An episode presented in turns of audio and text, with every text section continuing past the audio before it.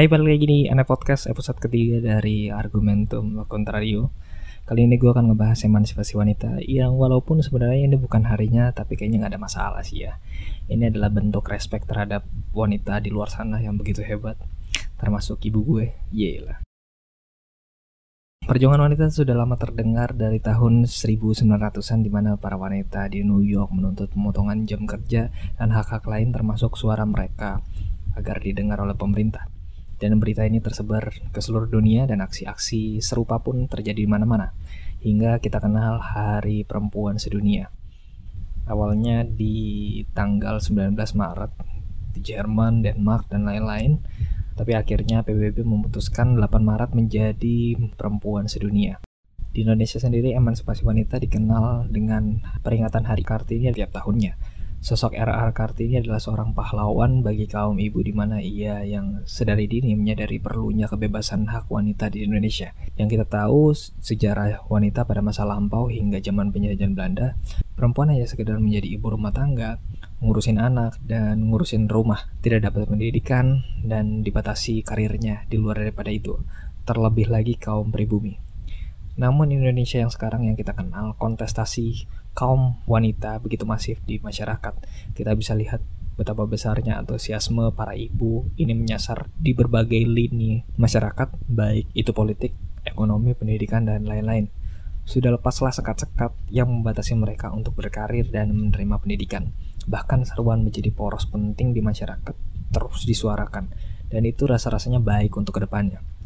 Namun apa yang masalah yang gue akan bahas? Pemaknaan emansipasi wanita dewasa saat ini menjadi begitu kabur dan lebih terasa bergeser dari makna aslinya atau arti sebenarnya.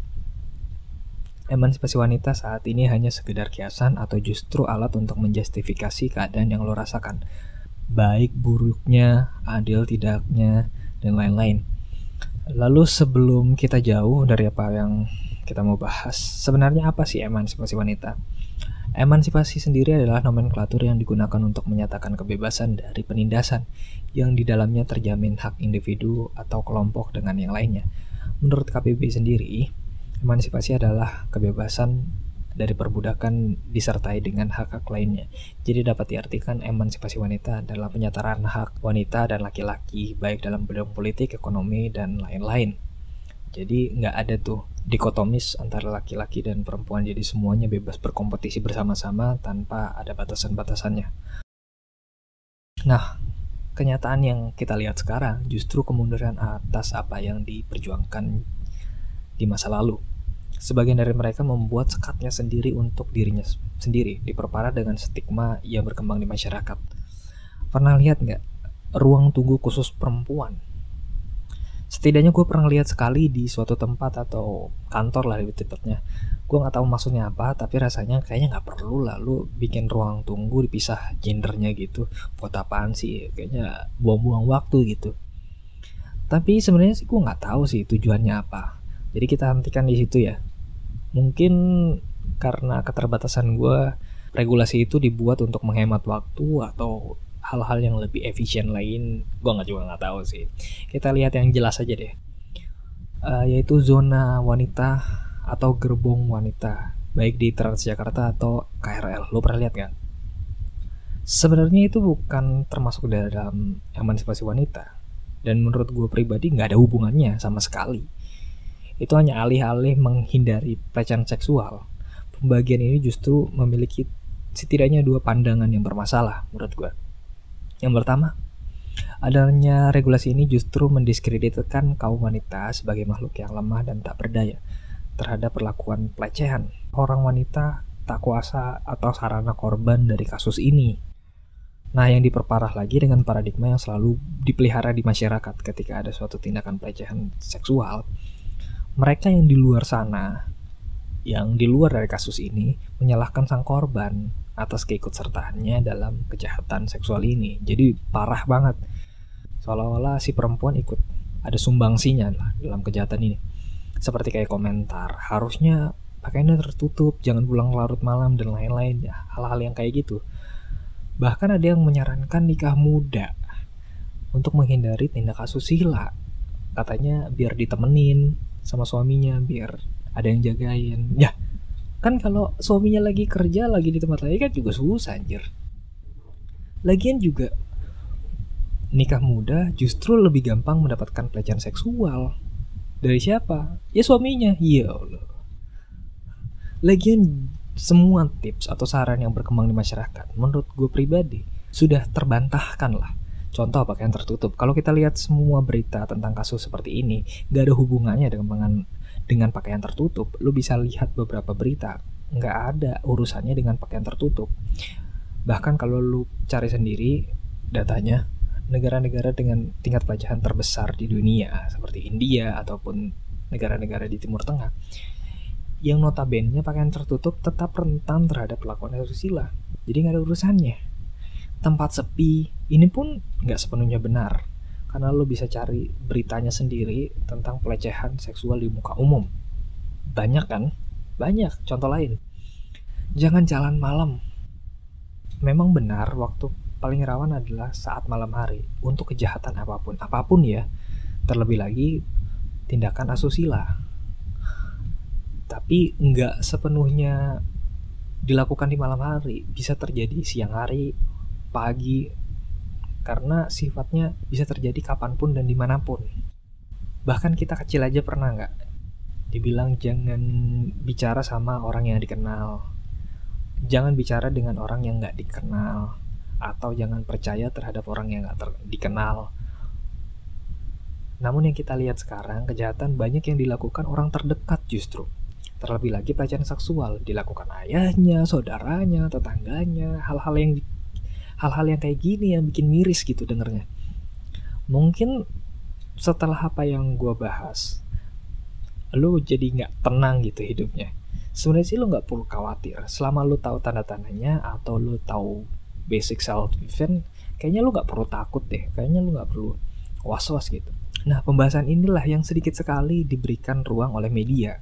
Jadi stoplah untuk menyalahkan sang korban terhadap kasus yang seperti ini kasihan kan udah jatuh tertimpa tangga. Lu nggak tahu betapa shocknya mereka lu nggak tahu betapa traumanya yang mereka rasakan. Bisa bertahun-tahun bisa bisa lama panjang.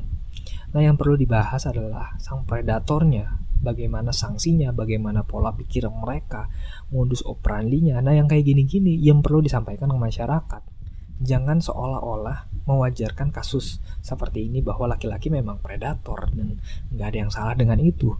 Dan justru wanita lah yang disalahkan di sini. Seperti tadi harusnya jangan jalan malam harusnya jangan pakai pakaian yang terbuka dan lain-lain. Itu kan selalu menyalahkan mereka. Enggak lah hentikanlah.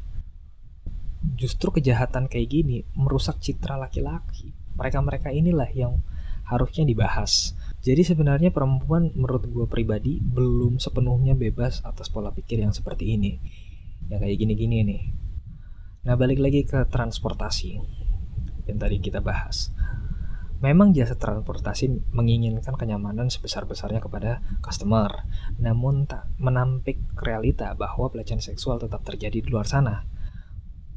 Karena pada kenyataannya masih ada zona abu-abu dalam gerbong itu dalam busway atau Transjakarta masih ada zona abu-abu atau zona umum yang dapat diakses baik perempuan atau laki-laki. Jadi semuanya bisa membaur, tapi ada zona khusus wanita. Nah, jadi ada tanda tanya baru. Jadi untuk siapakah zona khusus wanita itu sebenarnya? Ini berhubungan dengan sudut pandang yang kedua. Jadi yang pertama zona perempuan ini untuk mereka yang insecure terhadap laki-laki. Atau pandangan yang kedua justru tanpa sadar mereka menganggap dirinya spesial. Tanpa sadar ini perlakuan spesial untuk kaum wanita. Ya nggak sih? Entah kenapa banyak yang dari mereka membatasi dirinya sendiri dengan hal-hal seperti ini. Mereka nggak pantas lah di situ. Mereka bukan bagian dari itu dan lain-lain. Padahal perjuangan tentang emansipasi terus disuarakan tapi mereka justru menutup diri. Semacam ini dalam hal pacaran. Konsep emansipasi kayaknya seolah nggak berlaku. Di Indonesia khususnya nggak berlaku. Kamu lah duluan aku kan perempuan. Kamu lah yang nyatain aku kan perempuan. Eh cuk kalau lu yang suka duluan lu nyatain gembel gue pernah lihat kayak gitu.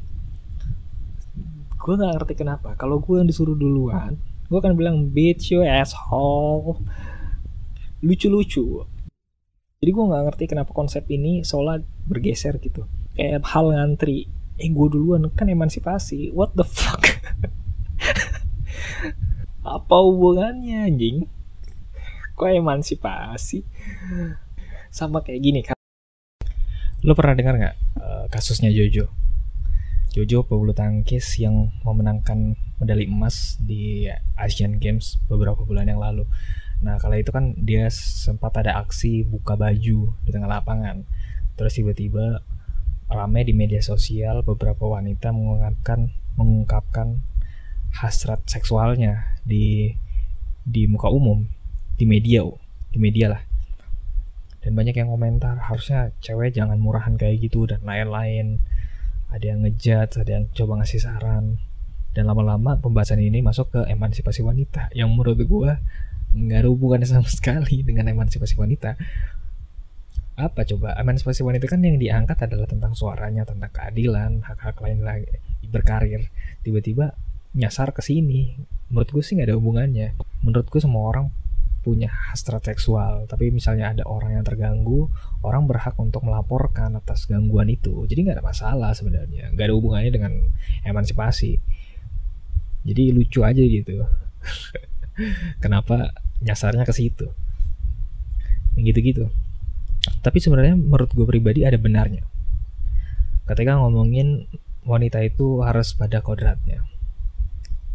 Gini lu bebas menjadi wanita yang yang nggak tergantung dengan orang lain terlebih laki-laki laki lu bebas berkarir sampai mana pun sampai batas mana pun.